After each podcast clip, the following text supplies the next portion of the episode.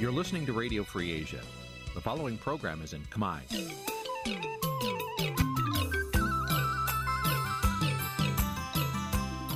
នេះជាកម្មវិធីផ្សាយ Vuthu Azizi Serai នេះជាកម្មវិធីផ្សាយរបស់ Vuthu Azizi Serai ជាភាសាខ្មែរ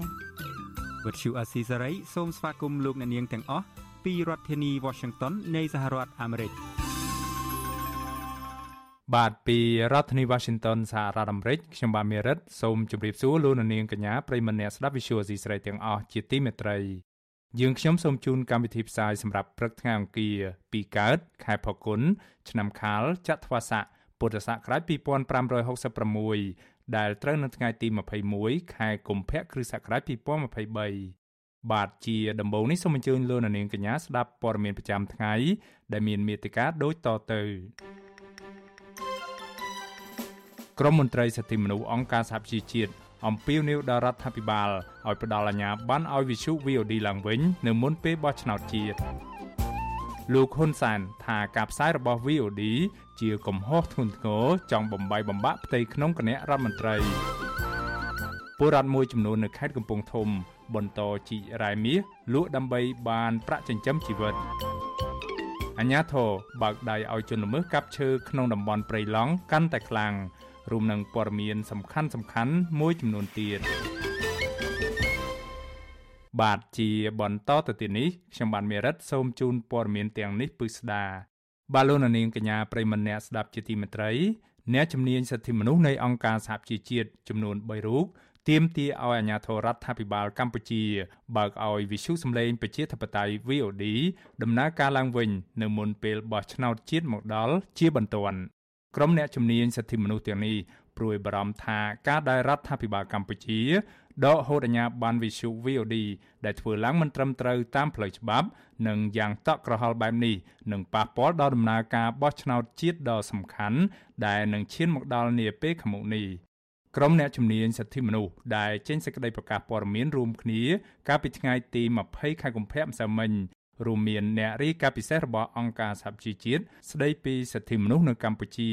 លោកវីតិនមុនតបនអ្នករាយការណ៍ពិសេសស្ដីពីស្ថានភាពអ្នកការពារសិទ្ធិមនុស្សអ្នកស្រី Mary Lolo និងអ្នករាយការណ៍ពិសេសស្ដីពីការលើកកម្ពស់និងការពារសិទ្ធិបញ្ចេញមតិអ្នកស្រី Irene Khan មន្ត្រីសិទ្ធិមនុស្សជាន់ខ្ពស់ទាំង3រូបនេះបន្ថែមថាការបិទវិទ្យុសម្លេងប្រជាធិបតេយ្យ VOD នេះធ្វើឲ្យកម្ពុជាលែងមានប្រព័ន្ធផ្សព្វផ្សាយឯករាជ្យ ពួកគេទាមទារឲ្យរដ្ឋាភិបាលកម្ពុជាពិនិត្យមើលរឿងដកហូតអាជ្ញាប័ណ្ណនេះនិងពិចារណាផ្លាស់ប្តូរសេចក្តីសម្រេចចិត្តនេះឡើងវិញជាបន្ទាន់មន្ត្រីជំនាញសិទ្ធិមនុស្សអង្គការសហជីវជាតិបញ្ជាក់ថែមទៀតថានៅក្នុងដំណាក់កាលដ៏សំខាន់នេះកម្ពុជាត្រូវការសង្គមស៊ីវិលមួយដ៏រស់រវើកនិងប្រព័ន្ធផ្សព្វផ្សាយឯករាជ្យរួមទាំងសារព័ត៌មានដែលរាយការណ៍ពីគោលនយោបាយរបស់រដ្ឋាភិបាល មន្ត្រីសិទ្ធិមនុស្សអង្គការសហប្រជាជាតិទាំង3រូបប្រមានថាពិភពលោកកំពុងសម្លឹងមើលកម្ពុជានៅមុនពេលបោះឆ្នោតជាតិនៅខែកក្កដាឆ្នាំ2023ខាងមុខនេះការទៀមទារបស់មន្ត្រីសិទ្ធិមនុស្សអង្គការសហប្រជាជាតិនៅពេលនេះកើតមានឡើងស្របពេលដែលលោកហ៊ុនសែនបានប្រកាសជាសាធារណៈកាលពីថ្ងៃទី20ខែកុម្ភៈម្សិលមិញថាលោកមិនផ្ដល់អាជ្ញាប័ណ្ណឲ្យវិសុ VOD នេះដំណើរការឡើងវិញឡើយ លោកហ៊ុនសែនថែមទាំងប្រកាសថាមិនចាំបាច់ទៅពឹងពាក់បរទេសឲ្យមកអន្តរាគមន៍រឿងនេះទេដោយលោកចោទថាការផ្សព្វផ្សាយរបស់ Visu VOD នេះបានធ្វើឲ្យប៉ះពាល់ដល់កិត្តិយសឪពុកកូនរបស់លោក និងជាការបំបាយបំបាក់ផ្ទៃក្នុងនៃគណៈរដ្ឋមន្ត្រីរបស់លោកទោះជាយ៉ាងនេះក្តីអ្នកវិភាគនយោបាយលោកកឹមសុខអះអាងថាលោកនាយរដ្ឋមន្ត្រីហ៊ុនសែនមានផែនការជាក់លាក់ក្នុងការបិទវិទ្យុសម្លេងប្រជាធិបតេយ្យ VOD នេះ លោកបញ្ជាក់ថាបើកាលណាទុកឲ្យវិសុឯករាជ្យមួយនេះដំណើរការនោះវិសុនេះនឹងរាយការណ៍អំពីភាពមិនប្រក្រតីនៃការបោះឆ្នោតជាតិនៅខែកក្កដាខាងមុខនេះលោកកឹមសុខបន្ថែមថាវិសុនេះក៏នឹងរាយការណ៍អំពីពលរដ្ឋរងគ្រោះពីបញ្ហាផ្សេងផ្សេងនៅពីពេញប្រទេសដែរដែលបញ្ហានេះលោកហ៊ុនសែនចង់បិទបាំងបាឡូណានាងកញ្ញាប្រិមម្នាក់ស្ដាប់ជាទីមេត្រីជុំវិញការបិទវិសុ VOD នេះដែរ លោកនាយរដ្ឋមន្ត្រីហ៊ុនសែនថាការផ្សាយព័ត៌មានរបស់ Visu VOD ដែលថាលោកហ៊ុនម៉ាណែតចុះហត្ថលេខាជំនួសឲ្យលោកដើម្បីផ្ដល់ជំនួយដល់ប្រទេសទូគីនោះគឺជាកំហុសធ្ងន់ធ្ងរមួយ ដែលមិនអាចលើកលែងបានឡើយមន្ត្រីសង្គមស៊ីវិលថាការផ្សាយព័ត៌មានរបស់ VOD គឺធ្វើឡើងទៅតាមវិជ្ជាជីវៈសារព័ត៌មាន និងមិនមែនជាកំហុសធ្ងន់ធ្ងរនោះឡើយ លោកនាយរដ្ឋមន្ត្រីហ៊ុនសែនអះអាងថាការផ្សាយព័ត៌មានរបស់ Visu VOD អំពីកូនប្រុសច្បងរបស់លោកគឺលោកហ៊ុនម៉ាណែតចុះហត្ថលេខាជំនួសលោកដើម្បីផ្ដល់ជំនួយដល់ប្រទេសទូគីនោះគឺជាការវាយប្រហារដែលមិនអាចលើកលែងបានឡើយដោយបានប្រមាថនិងបង្កើតការមិនជឿទុកចិត្តគ្នា ក្នុងជួររដ្ឋាភិបាលថ្លែងក្នុងពិធីប្រកាសសញ្ញាបត្រដល់និស្សិតសាកលវិទ្យាល័យធនធានមនុស្សជិត2000នាក់នៅថ្ងៃទី20ខែកុម្ភៈ លោកហ៊ុនសានលើកឡើងថាច្បាប់ថាវិការជាតិនៅកម្ពុជាអនុញ្ញាតឲ្យតែនាយករដ្ឋមន្ត្រីនិងរដ្ឋមន្ត្រីក្រសួងសេដ្ឋកិច្ចនិងហិរញ្ញវត្ថុប៉ុណ្ណោះដែលអាចចុះហត្ថលេខាលើការចាយវាយថវិកាបែបនេះបានលោកបញ្ជាក់ថាព្រះមហាក្សត្រមិនលូកព្រះហស្ថទេហើយសូម្បីតែប្រធានរដ្ឋសភា និងប្រធានព្រឹទ្ធសភាក៏មានសិទ្ធិត្រឹមតែលើកសំណើថវិកាតែប៉ុណ្ណោះ លោកហ៊ុនសានអះអាងទៀតថាការចុះផ្សាយរបស់ Visu VOD រឿងលោកហ៊ុនម៉ាណែតចុះហត្ថលេខាជំនួយឲ្យលោកផ្ដល់ជំនួយឲ្យប្រទេសទូគី បានក្លាយទៅជា ប្រធានបទដែលគេជជែកគ្នា ស្របពេលដែលលោកហ៊ុនម៉ាណែតមិនបានធ្វើនិងមិនបានដឹងអ្វីទាំងអស់លោកហ៊ុនសែនបានប្រកាសដោយច្បាស់ច្បាស់ថារដ្ឋាភិបាលរបស់លោកនឹងមិនអនុញ្ញាតឲ្យសារព័ត៌មាន VOD មានជីវិតឡើងវិញនោះឡើយ។ រឿងនេះជាការវាយប្រហារមិនមែនបញ្ហាហ៊ុនម៉ាណែតដោយឡែកទេតែជាការប្រមាថចំពោះរាជរដ្ឋាភិបាលនិងបង្កើតការជឿមិនជឿទុកចិត្តគ្នានៅក្នុងរដ្ឋាភិបាលហើយខុសជាមួយនឹងច្បាប់ធិវិការយ៉ាងធ្ងន់ធ្ងរដែលយើងមិនអាចអត់អន់ឲ្យបានតើខ្ញុំក្នុងមួយខាងជានាយករដ្ឋមន្ត្រីមួយខាងជាពុកតើឲ្យទទួលការប្រមាថបែបនេះទេ ទោះជាយ៉ាងណាការអះអាងរបស់លោកហ៊ុនសែនបែបនេះត្រូវបានក្រុមអ្នកខ្លំមើលស្ថានភាពសង្គមយល់ឃើញថាខុសពីបបផែតខាងដើម ដែលដំបូងឡើយលោកហ៊ុនសានចង់បានត្រឹមតែឲ្យសារព័ត៌មានឯករាជ្យ VOD សំទោសតែប៉ុណ្ណោះហើយករណីនេះបញ្ជាក់ថា Visu VOD មិនបានប្រព្រឹត្តកំហុសធ្ងន់ធ្ងរអ្វីឡើយ ពួកគេយល់ថាដោយសារតែការលុបអាញាបាន Visu VOD មិនមានហេតុផលសមរម្យដែលធ្វើឲ្យលោកហ៊ុនសែនទទួលរងនឹងការរិះគន់ធ្ងន់ធ្ងរពីប្រជាពលរដ្ឋសហគមន៍ជាតិនិងអន្តរជាតិទើបបានជាលោកចោតប្រកាន់ដោយដាក់បន្ទុកបន្ថែមដល់ស្ថាប័នសារព័ត៌មានមួយនេះអ្នកសិក្សាស្រាវជ្រាវពីការអភិវឌ្ឍសង្គមលោកមាសនេះ មើលឃើញថាការផ្សាយព័ត៌មានរបស់ Visu VOD មិនមែនជាកំហុសធ្ងន់ធ្ងរនិងប៉ះពាល់ដល់ផលប្រយោជន៍របស់រដ្ឋាភិបាល រហូតដល់ថ្នាក់បែកបាក់ផ្ទៃក្នុងនោះឡើយលោកយល់ឃើញថាការលុបចោលអាជ្ញាប័ណ្ណរបស់សារព័ត៌មាន VOD គឺជាការដាក់ទណ្ឌកម្ម ដែលលើសពីទម្ងន់នៃទោសនិងកំហុសជាក់ស្ដែងពីរឿងការធ្វើឲ្យបែកបាក់គណៈបកនៅក្នុងគណៈបកអីអាហ្នឹងក៏ខ្ញុំគិតថាវាមិនជាចេតនារបស់ VOD អីឬមានអធិពលទៅដល់ការបំបែកបាក់ផ្ទៃក្នុងប៉ុន្តែយើងអត់ដឹងថាតើវារឿងអីនៅខាងក្នុងបានជាខាងប្រមុខរដ្ឋាភិបាលគាត់លើកឡើងថានឹងវាជាកំហុសធ្ងន់ធ្ងរណាបាទអញ្ចឹងការមើលឃើញពីជ្រុងមួយខាងម្នាក់នៃបញ្ហានេះយើងឃើញថាមើលឃើញខុសគ្នាឆ្ងាយបាទ ក្រសួងព័ត៌មានបានប្រកាសលុបចោលអាជ្ញាប័ណ្ណសារព័ត៌មានរបស់ Visu VOD ដែលជាផ្នែកមួយនៃមជ្ឈមណ្ឌលកម្ពុជាដើម្បីប្រព័ន្ធផ្សព្វផ្សាយឯករាជ្យហៅកាត់ថា CCIM នៅថ្ងៃទី13ខែកុម្ភៈតាមបញ្ជាដ៏តក់ក្រហល់របស់លោកនាយរដ្ឋមន្ត្រីហ៊ុនសានដោយប្រើពេលមិនដល់24ម៉ោងដោយលោកហ៊ុនសានចោទប្រកាន់ថាបានរំលោភលើវិជ្ជាជីវៈសារព័ត៌មាននិងធ្វើឲ្យប៉ះពាល់ដល់កិត្តិយសរដ្ឋាភិបាលនិងកូនប្រុសរបស់លោក លោកហ៊ុនសាន បានផ្ដល់ឱកាសឲ្យវិសុ VOD សំទោសក៏ប៉ុន្តែការសំទោសរបស់វិសុ VOD នេះហាក់មិនត្រូវចិត្តនឹងសមតាមបំណងរបស់លោកឡើយទើបបណ្ដាលឲ្យលោកខឹងសម្បារហូតដល់ថ្នាក់លុបចោលអាញាបានសារព័ត៌មាន VOD ទាំងកណ្ដាលអាត្រិតយ៉ាងដូចនេះ ការលុបចោលអាញាបាន VOD ដោយតក់ក្រហល់បែបនេះបង្កើតឲ្យមាននៅភាពចម្រូងចម្រាសរវាងមតិអ្នកគាំទ្រការសម្រេចចិត្តរបស់រដ្ឋាភិបាល ពីសំណាក់ក្រមមន្ត្រី និងអង្គការហែហោមលោកហ៊ុនសាន និងមតិមិនគាំទ្រការសម្រេចចិត្តយ៉ាងដូចនេះដោយប្រជាពលរដ្ឋមន្ត្រីសង្គមស៊ីវិលជាតិនិងអន្តរជាតិ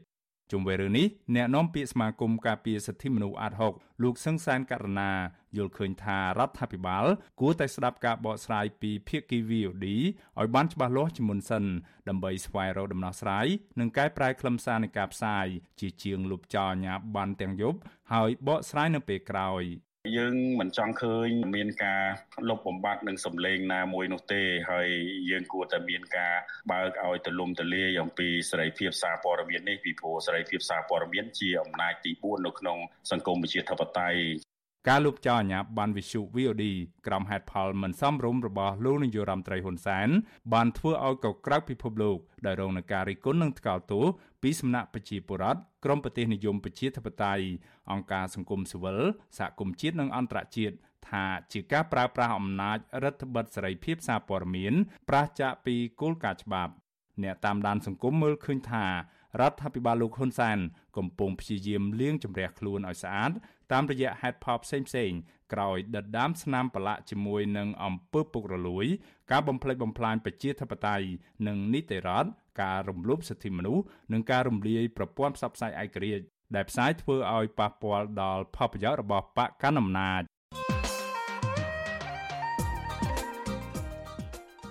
បាឡូននាងកញ្ញាប្រិមនៈស្ដាប់ជាទីមេត្រីស្ទើរតែខ្លាចជាប្រប្រៃនៃទៅហើយ ដែលនៅកម្ពុជានៅរៀងរាល់ពេលបោះឆ្នោតថ្នាក់ជាតិម្ដងម្ដងគេតែងតែឃើញមានករណីធ្វើទុកបុកម្នេញមកលើប្រព័ន្ធផ្សព្វផ្សាយនិងក្រុមអ្នកសារព័ត៌មានឯករាជ្យឥតស្រាកស្រាន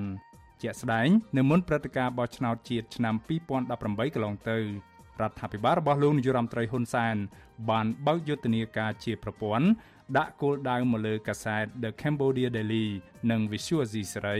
ដែលមិនអាចឲ្យស្ថាប័នទាំងពីរនេះបន្តដំណើរការនៅកម្ពុជាតទៅទៀតបានចុងក្រោយនេះរដ្ឋាភិបាលរបស់លោកហ៊ុនសែនក៏បានប្រើយុទ្ធវិធីដដែល ដោយឈានទៅបិទការផ្សាយរបស់វិទ្យុសម្លេងប្រជាធិបតេយ្យ VOD ដែលជាវិទ្យុឯករាជ្យនៅសេសសល់ចុងក្រោយនៅកម្ពុជា ការបិទប្រព័ន្ធផ្សព្វផ្សាយនៅមុនការបោះឆ្នោតបែបនេះត្រូវបានសហគមន៍ជាតិនិងអន្តរជាតិមើលឃើញថាជាផ្នែកមួយនៃយុទ្ធសាស្ត្ររបស់របបផ្ដាច់ការដើម្បីធានាជ័យជំនះទុកជាមុនរួចជាស្រេចរបស់បកកាន់អំណាចពលគឺមិនអោយមានសម្លេងឯករាជ្យតាមខ្លំមើលដំណើរការបោះឆ្នោត និងបញ្ជាការផ្សាយព័ត៌មានជុំវិញភាពមិនប្រក្រតីនានាពាក់ព័ន្ធនឹងដំណើរការបោះឆ្នោតតែការបិទវិសុ VOD យ៉ាងតក់ក្រហល់ របស់រដ្ឋាភិបាលលោកនាយរដ្ឋមន្ត្រីហ៊ុនសែននៅពេលនេះប៉ះពាល់យ៉ាងណាខ្លះដល់ដំណើរការបោះឆ្នោតជាតិនាខែកក្កដាខាងមុខនេះបាទនេះគឺជាប្រធានបទដែលយើងនឹងលើកយកមកពិភាក្សានៅក្នុងនេតិវេទិកាអ្នកស្ដាប់ Visual Asia ស្រីនៅយប់ថ្ងៃអង្គារទី21ខែកុម្ភៈនេះប្រសិនបើលោកអ្នកនាងចាប់អារម្មណ៍ចង់ចូលរួមដាក់ជាសំណួរឬបញ្ចេញមតិយោបល់សូមអញ្ជើញលោកអ្នកនាងដាក់ឈ្មោះនិងលេខទូរស័ព្ទរបស់លោកអ្នកនាង នៅក្នុងប្រអប់ខ្ទង់ comment នៃការផ្សាយផ្ទាល់របស់ Visual Asia ស្រីនៅលើបណ្ដាញសង្គម Facebook និង YouTube ក្រុមការងាររបស់យើងនឹងតាក់ទងទៅលោកអ្នកនាងដើម្បីចូលរួមដាក់ជាសំណួរនិងបញ្ចេញមតិយោបល់នៅក្នុងនេតិវេទិកាអ្នកស្ដាប់ Visual Asia ស្រីបាទសូមអរគុណ បាទលោកនាងជាទីមេត្រីយើងងាកមកស្ដាប់ព័ត៌មានតាក់ទងទៅនឹងអនុប្រធានគណៈបកភ្លើងទៀនលោកថាច់សថាដែលកំពុងជាប់ឃុំវិញម្ដងបាទអនុប្រធានគណៈបកភ្លើងទៀនលោកថាច់សថានៅតែអះអាងថាលោកមិនបានចេញសាច់អត់លុយឬសាច់ស្អុយឲ្យដើមមិនដឹងឡើយលោកស្នើដល់តុលាការផ្ដល់យុត្តិធម៌និងដោះលែងលោកឲ្យមានសេរីភាពឡើងវិញដើម្បីត្រឡប់ទៅធ្វើនយោបាយ ទោះជាយ៉ាងណាក៏ដោយមន្ត្រីសង្គមស៊ីវិលយល់ថាស្ថានភាពនយោបាយបច្ចុប្បន្ននេះប្រសិនបើសំណុំរឿងរបស់លោកថាច់សេដ្ឋាជាប់ពាក់ព័ន្ធនឹងរឿងនយោបាយនោះមេដឹកនាំគណៈបកភ្លើងទៀនរូបនេះមិនអាចទទួលបានសេរីភាពនោះទេ បាទពីរដ្ឋធានី Washington លោកនៅវណ្ណរិនរាយការណ៍ព័ត៌មាននេះមេធាវីរំពឹងថាសាលាឧទ្ធររាជធានីភ្នំពេញ និងផ្ដល់យុត្តិធម៌ដល់លោកថាច់សេដ្ឋាដោយបដិសេធនៃការឃុំខ្លួនរបស់សាលារាជធានីភ្នំពេញហើយដោះលែងលោកឲ្យមានសេរីភាពឡើងវិញនៅថ្ងៃសវនាការនៅថ្ងៃទី21ខែកុម្ភៈពីព្រោះសំណុំរឿងនេះគឺជាបទមជ្ឈិមហើយលោកថាច់សេដ្ឋាក៏មិនបានកិច្ចវេះនៅក្នុងការបំពេញកាតព្វកិច្ចផងដែរមេធាវីការពារក្តីលោកថាច់ស៊ីថាម្នាក់គឺលោកមេធាវីកែតខីប្រាប់វិទ្យុអាស៊ីសេរីនៅថ្ងៃទី20កុម្ភៈថា ក្រុមមេធាវីបានចូលជួបសួរសុខទុក្ខនិងពិភាក្សាផ្នែកច្បាប់ជាមួយកូនក្តីនៅក្នុងពន្ធនាគារព្រៃសរនៅព្រឹកថ្ងៃទី20ខែកុម្ភៈនេះលោកឲ្យដឹងថាស្ថានភាពជំងឺបេះដូងរបស់លោកថៃសិដ្ឋាកំពុងធ្វើទុកដោយបរិយាកាសក្នុងបន្ទប់ឃុំឃាំងតូចចង្អៀតក៏ប៉ុន្តែកូនក្តីរបស់លោកនៅតែមានឆន្ទៈមោះមុតនិងស្មារតីរឹងមាំដដែល។ លោកបញ្ជាក់ថាកូនក្តីរបស់លោកអះអាងថាគាត់គ្មានចេតនាណាមួយក្នុងការចេញសាច់ស្អុយដោយការចោទប្រកាន់កន្លងទៅនោះទេព្រោះសាច់ដែលចេញឲ្យក្រុមហ៊ុនគ្រាន់តែចុះហត្ថលេខាមិនបានចុះការបរិច្ឆេទថ្ងៃខែឆ្នាំនៃការបើកប្រាក់និងចំនួនប្រាក់ដែលត្រូវផ្ដល់ឲ្យនោះឡើយរឿងទី1វាបាត់មជ្ឈិមហើយ គាត់មិនទៅណាចេញទៅក្រៅប្រទេសមិនទៅណាគេចវេះពីការតាប់តែជាអញ្ចឹងគួរណាតែទទួលបានការគាត់នៅក្រៅឃុំដើម្បីចូលរួមក្នុងជីវភាពនយោបាយបាទអញ្ញាធររដ្ឋាភិបាលរបស់លោកហ៊ុនសែនបានចាប់ខ្លួនលោកថៃសិដ្ឋាកាលពីថ្ងៃទី16ខែមករាកន្លងទៅ ការចាប់ឃុំខ្លួនអនុប្រធានគណៈបកប្រឆាំងរូបនេះធ្វើឡើងនៅក្នុងរយៈពេលមិនដល់6ខែផងមុនការបោះឆ្នោត នៅថ្ងៃទី23កក្កដាខាងមុខ ក្នុងនោះនៅមួយសប្តាហ៍មុនការចាប់ឃុំខ្លួនលោកថៃសិដ្ឋាលោកហ៊ុនសែនបានទម្លាយថាលោកថៃសិដ្ឋាបានជួបជាមួយកូនប្រុសច្បងរបស់លោក គឺលោកហ៊ុនម៉ាណែតតុលាការចោទប្រកាន់មន្ត្រីជាន់ខ្ពស់គណៈបកភ្លើងទៀនរូបនេះពីបទមិនបំពេញកាតព្វកិច្ចចំពោះឧបករណ៍ដែលអាចជួញដូរបាន ឬចេញសាយស្អុយចំនួន5សន្លឹកក្នុងអំឡុងឆ្នាំ2019 ភាគីដើមមិនដឹង គឺក្រុមហ៊ុនឯកជនមួយឈ្មោះក្រុមហ៊ុនរិនឆាយផនសបប្រពន្ធរបស់លោកថៃជីថាធ្លាប់អះអាងថាគ្រួសាររបស់លោកស្រី មិនបានទទួលដីកាកោះរបស់តុលាការនោះទេ ហើយប្តីលោកស្រីក៏មិនដែលមានបំណងគេចវេះនៅក្នុងការដោះស្រាយរឿងក្តីនេះដែរ ចំណែកឯមេធាវីការពារក្តីរបស់លោកថៃសិដ្ឋាក៏ធ្លាប់លើកឡើងថាសំណុំរឿងនេះអាចបញ្ចប់ក្រៅប្រព័ន្ធតុលាការប្រសិនបើភាគីដើមមិនដឹងយល់ព្រមដកពាក្យបណ្ដឹងពីលោកថៃសិដ្ឋាវិញយ៉ាងណាក៏ដោយមេធាវីដើមមិនដឹងបដិសេធចរចាជាមួយក្រុមមេធាវីការពារក្តីលោកថៃសិដ្ឋាដោយពួកគេរក្សាជំហរដោះស្រាយបញ្ហានេះទៅតាមផ្លូវច្បាប់ អ្នកនាំពាក្យសមាគមការពារសិទ្ធិមនុស្សអាត6លោកសឹងសានករណាកត់សម្គាល់ថាលោកថៃសិដ្ឋាគឺជាថ្នាក់ដឹកនាំគណៈបកប្រឆាំងដែលលេចធ្លោនិងជាដៃគូប្រកួតប្រជែងជាមួយគណៈបកកាន់អំណាចដែលនាំឲ្យមហាជនសង្ស័យថាករណីនេះជាការរឹតបន្តឹងផ្នែកនយោបាយមុនការបោះឆ្នោតលោកមើលឃើញថាការឃុំខ្លួនលោកថៃសិដ្ឋានៅក្នុងពន្ធនាគារមិនអាចដោះស្រាយរឿងបំណុលបាននោះទេ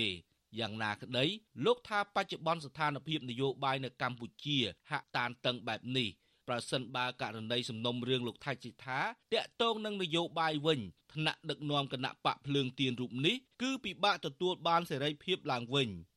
បរិយាកាសនៃការបោះឆ្នោតខាងមុខហ្នឹងខ្ញុំគិតថាវានៅតែមិនទាន់អាចមានភាពល្អប្រសើរនៅឡើយទេពីព្រោះមិនមែនតែលោកថៃសិដ្ឋាមួយទេនៅក្នុងឃុំយើងឃើញហើយមានអ្នកនយោបាយកម្មជននយោបាយផ្សេងផ្សេងទៀតកំពុងតែជាប់ឃុំហ្នឹងក៏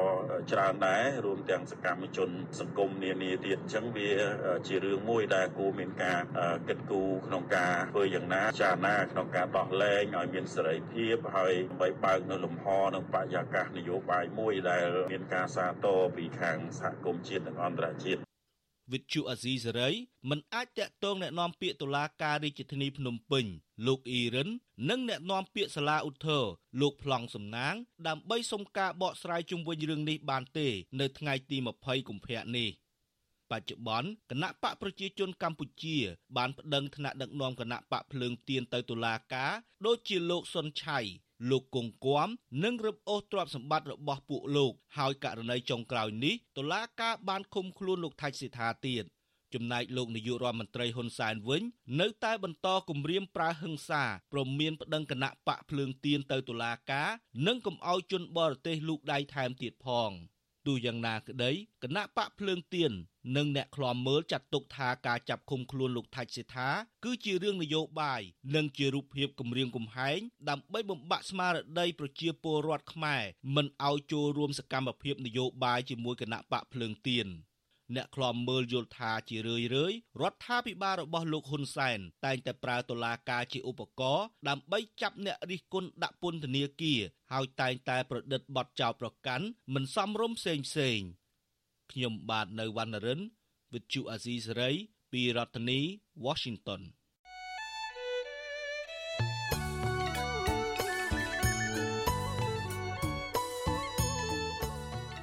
បាទលោកនាងកញ្ញាប្រិមម្នាក់ស្ដាប់ជាទីមេត្រីនៅក្នុងឱកាសនេះដែរខ្ញុំបាទសូមថ្លែងអំណរគុណដល់លោកនាងកញ្ញាទាំងអស់ដែលតែងតែមានភក្ដីភាពចំពោះការផ្សាយរបស់យើងខ្ញុំហើយចាត់ទុកការស្ដាប់ Visual Asia សេរីគឺជាផ្នែកមួយនៃសកម្មភាពប្រចាំថ្ងៃរបស់លោកនាងការគ្រប់គ្រងរបស់លោកនាងនេះហើយដែលធ្វើឲ្យយើងខ្ញុំមានទឹកចិត្តកាន់តែខ្លាំងថែមទៀតនៅក្នុងការស្វែងរកនិងផ្តល់ព័ត៌មានពិតជូនលោកនាង មានអ្នកស្ដាប់និងអ្នកទស្សនាកាន់តែច្រើន កាន់តែធ្វើយើងខ្ញុំមានភាពស្វាហាប់និងមោះមុតជាបន្តទៅទៀតបាទយើងខ្ញុំសូមអរគុណទុកជាមុនហើយសូមអញ្ជើញលោកអ្នកនាងកញ្ញាចូលរួមជំរុញឲ្យសកម្មភាពផ្តល់ព័ត៌មានពិតរបស់យើងខ្ញុំនេះកាន់តែជោគជ័យបន្ថែមទៀតលោកអ្នកនាងអាចជួយយើងខ្ញុំបានដោយគ្រាន់តែចុចចែករំលែកឬ Share ការផ្សាយរបស់យើងខ្ញុំនៅលើបណ្ដាញសង្គម Facebook និង YouTube ទៅកាន់មិត្តភ័ក្តិដើម្បីឲ្យការផ្សាយរបស់យើងបានទៅដល់មនុស្សកាន់តែច្រើន បាទសូមអរគុណ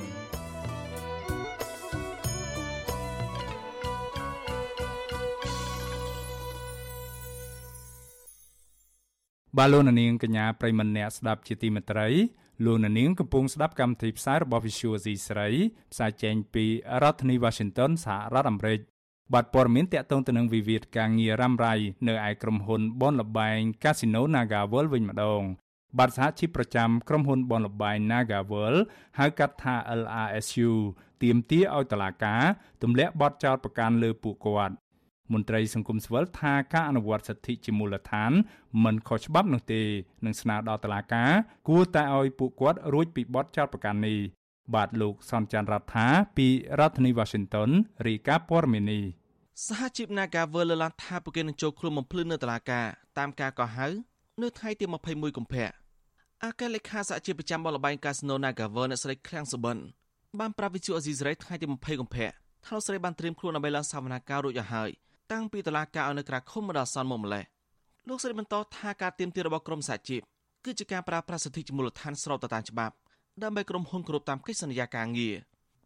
លោកស្រីបញ្ជាក់ថាសហជីពមិនបានអូទាឬក៏បង្ខិតបង្ខំឲ្យបុគ្គលិកណាមួយចូលរួមធ្វើកតកម្មនោះទេ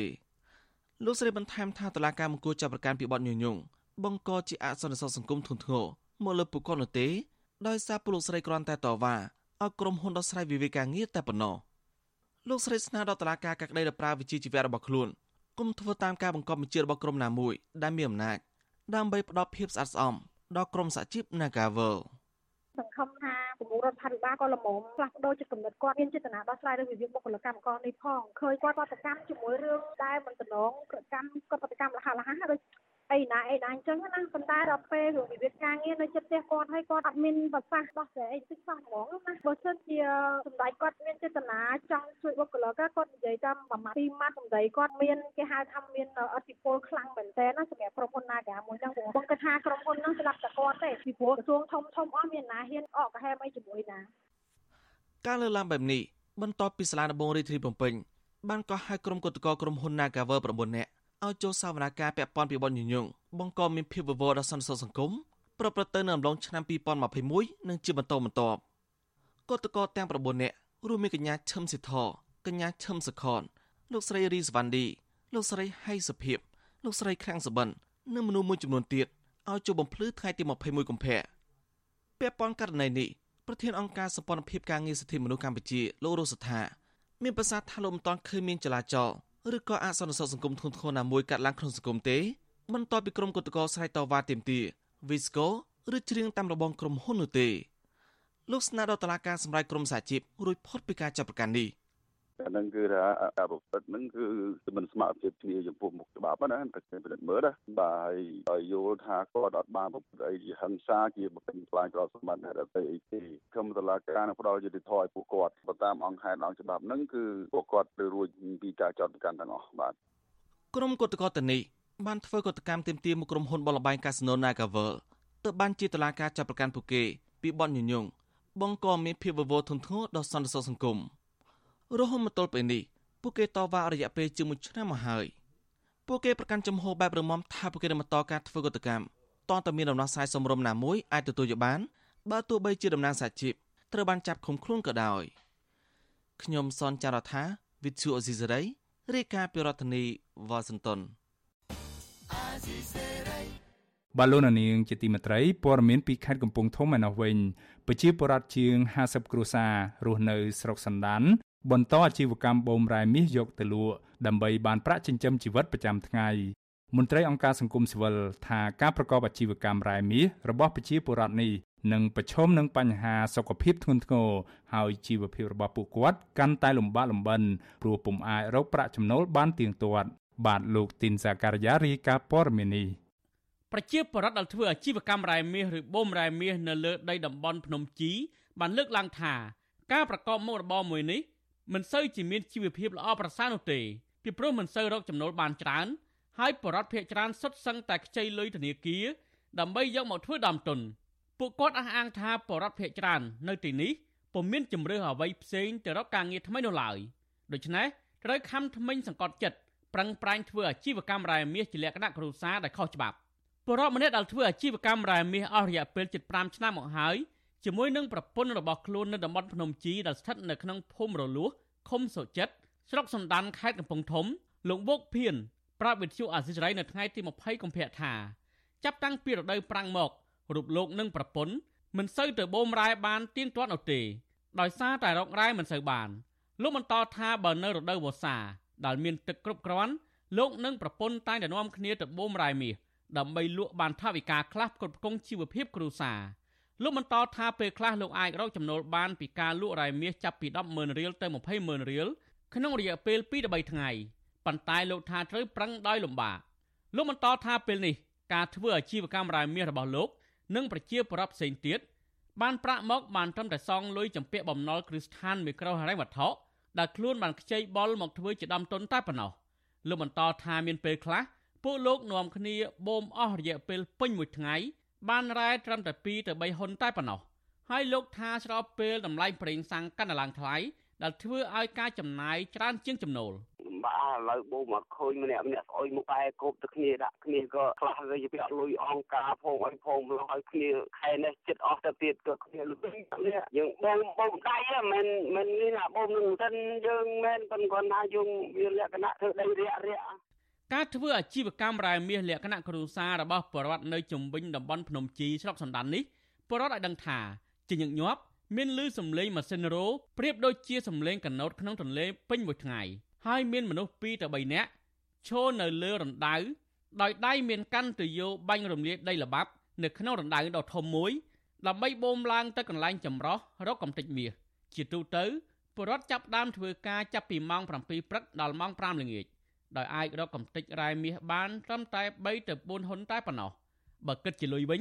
បានតែ100000រៀលទៅ20000រៀលក្នុងរយៈពេល2ទៅ3ថ្ងៃចំណែកបរិបម្នាក់ទៀតរស់នៅស្រុកសណ្ដានដែរនោះហើយជាអ្នកសម្រាប់សម្រួលបណ្ដាញប្រៃឡង់លោកហ៊ឿនសុភីបតែងតែចុះទៅតំបន់នោះជាញឹកញាប់លោកលើកឡើងថាការធ្វើអាជីវកម្មរ៉ែមាសរបស់បរិវត្តនៅតំបន់នេះមិនសូវជាមានជីវភាពល្អប្រសើរនោះទេហើយអ្វីជាក្តីកង្វល់នោះគឺប្រជាពលរដ្ឋតែងតែមានជំងឺជាប្រចាំ ដែលបង្កឡើងដោយការប្រើប្រាស់ទឹកមិនសូវស្អាតហូរចេញពីកន្លែងបូមរ៉ែនិងបង្កផលប៉ះពាល់បរិស្ថានផងដែរវាធ្វើឲ្យបរិស្ថានខ្វក់ឬក៏ប៉ះពាល់ដល់សត្វទាំងសត្វព្រៃទាំងសត្វស្រុកមួយចំនួនដែលរស់នៅតំបន់នោះក៏ពិបាកនៅក្នុងការរស់នៅបើជាកំណត់ខ្ញុំខ្ញុំគិតថាថាបានគួរតែរករៀបចំរៀបចំភូមិរៀបចំការរស់នៅរបស់ពួកគាត់នៅទីនោះហើយវាសមស្របហើយវាស្របទៅតាមគោលនយោបាយរបស់រដ្ឋាភិបាលទាំងមូល វិទ្យុអាស៊ីសេរីមិនអាចតតងមេឃុំសុចិត្តស្រុកសណ្ដានលោកប្រាក់មិននិងអភិបាលខេត្តកំពង់ធំលោកងួនរតនៈដើម្បីសួរបន្ថែមអំពីបញ្ហានេះបានទេនៅថ្ងៃទី20កុម្ភៈសូរសំឡេងម៉ាស៊ីនលាន់ឮត្រហឹងនៅជំវិញភ្នំជីនេះនៅពេលព្រឹករហូតដល់ល្ងាចប៉ុន្តែក៏មានថ្ងៃខ្លះត្រូវផ្អាកដែរនៅពេលណាដែលបរដ្ឋទទួលបានដំណឹងមកថាមានមន្ត្រីក្រសួងបរិស្ថានឬអាជ្ញាធរចុះមកត្រួតពិនិត្យនៅតំបន់ទាំងនេះដោយសពមួយដង អាជ្ញាធរតែងតែហាមបរដ្ឋមិនឲ្យធ្វើអាជីវកម្មនេះទេដើម្បីកុំឲ្យលឺសំឡេងម៉ាស៊ីនពលរដ្ឋដឹងថាពួកគាត់មិនដឹងថាអាចបន្តធ្វើអាជីវកម្មរ៉ែមាសបែបលក្ខណៈគ្រួសារនេះបានយូរប៉ុណ្ណាទៀតនោះដែរដោយសារតែមានក្រុមហ៊ុនចិនកំពុងតែមានវត្តមាននៅទីនោះដូច្នេះបរដ្ឋលែងមានឱកាសធ្វើអាជីវកម្មរ៉ែមាសនៅទីនោះទៀតនៅពេលខាងមុខជុំវិញនឹងរឿងនេះមន្ត្រីសម្រាប់សម្រួលនៃសមាគមបណ្ដាញយុវជនកម្ពុជាហៅកាត់ថា CVN លោកអូតឡាទីនដែលបានចុះដោយផ្ទាល់ដើម្បីពិនិត្យមើលអំពីស្ថានភាពនៅតំបន់បូមរ៉ែមាសរបស់បរដ្ឋកាលពីពេលថ្មីថ្មីនេះប្រាប់វិទ្យុអាស៊ីសេរីថាអាជីវកម្មរ៉ែមាសបែបគ្រួសាររបស់បរដ្ឋកំពុងតែបង្កនៅផលប៉ះពាល់ធ្ងន់ធ្ងរផ្នែកបរិស្ថានដោយពុំមានការគ្រប់គ្រងឲ្យបានត្រឹមត្រូវជាពិសេសបញ្ហាសុខភាពមកលើបរដ្ឋដូច្នេះលោកថាអាញាធរគួរតែគិតរកមធ្យោបាយបង្កើតមុខរបរផ្សេងដូចជាការស្វែងរកទីផ្សារលក់កសិផលក្នុងតម្លៃសមរម្យ ដើម្បីកាត់បន្ថយការប្រកបមុខរបរអាជីវកម្មរ៉ែមាសដែលខុសច្បាប់បែបអនាធបត័យរបស់បរដ្ឋនេះទរាជរដ្ឋាភិបាលគួរតែជំរុញលើកកម្ពស់វិស័យកសិកម្មដើម្បីឲ្យបងប្អូនប្រជាពលរដ្ឋគាត់អាចប្រកបមុខរបរកសិកម្មមិនថាដាំបន្លែដាំដលងមីឬក៏ធ្វើស្រែចម្ការហ្នឹងឲ្យវាមានទិន្នផលខ្ពស់ដើម្បីឲ្យមានដើម្បីឲ្យចំណូលរបស់គាត់នឹងមានភាពល្អប្រសើរជាងមុនណាបរិយដឹងថាកាលពី2ឆ្នាំមុន មានប្រជាពលរដ្ឋរាប់រយគ្រួសារនាំគ្នាសម្រុកមកធ្វើអាជីវកម្មរ៉ែមាសនៅតំបន់ភ្នំជីដោយសារតែជាតំបន់ព្រៃភ្នំហើយប្រជាពលរដ្ឋអាចរកចំណូលបានគួរសមដើម្បីបានប្រាក់ដោះស្រាយជីវភាពប្រចាំថ្ងៃប៉ុន្តែអស់រយៈពេល1ឆ្នាំចុងក្រោយនេះសកម្មភាពបូមយករ៉ែមាសបានកើនឡើងធ្វើឲ្យកាន់តែហិនហោចហើយបរដ្ឋខ្លះកាន់តែជួបការលំបាកនាំគ្នាចំណាកស្រុកទៅធ្វើការនៅប្រទេសថៃជាបន្តបន្ទាប់វិញ ខ្ញុំទីនសាការីយ៉ាអស៊ីសេរីប្រធានីវ៉ាស៊ីនតោនបាឡូណានាងកញ្ញាប្រិមម្នាក់ស្ដាប់ជាទីមេត្រីដំណើរគ្នានឹងស្ដាប់ការផ្សាយរបស់ Visual C ស្រីតាមបណ្ដាញសង្គម Facebook និង YouTube លោកនាងកញ្ញាក៏អាចស្ដាប់កម្មវិធីផ្សាយផ្ទាល់របស់ Visual C ស្រីតាមរលកធារកាសខ្លីឬ Shortwave តាមកម្រិតនិងកម្ពស់ដូចតទៅនេះពេលព្រឹកចាប់ពីម៉ោង5កន្លះដល់ម៉ោង6កន្លះ តាមរយៈប៉ុស SW 9.39 MHz ស្មើនឹងកម្ពស់ 32m និងប៉ុស SW 11.85 MHz ស្មើនឹងកម្ពស់ 25m ពេលយប់ចាប់ពីម៉ោង7កន្លះដល់ម៉ោង8កន្លះតាមរយៈប៉ុស SW 9.39 MHz ស្មើនឹងកម្ពស់ 32m ប៉ុស SW 11.88 MHz ស្មើនឹងកម្ពស់ 25m និងប៉ុស SW 15.15 MHz ស្មើនឹងកម្ពស់ 20m បាទសូមអរគុណ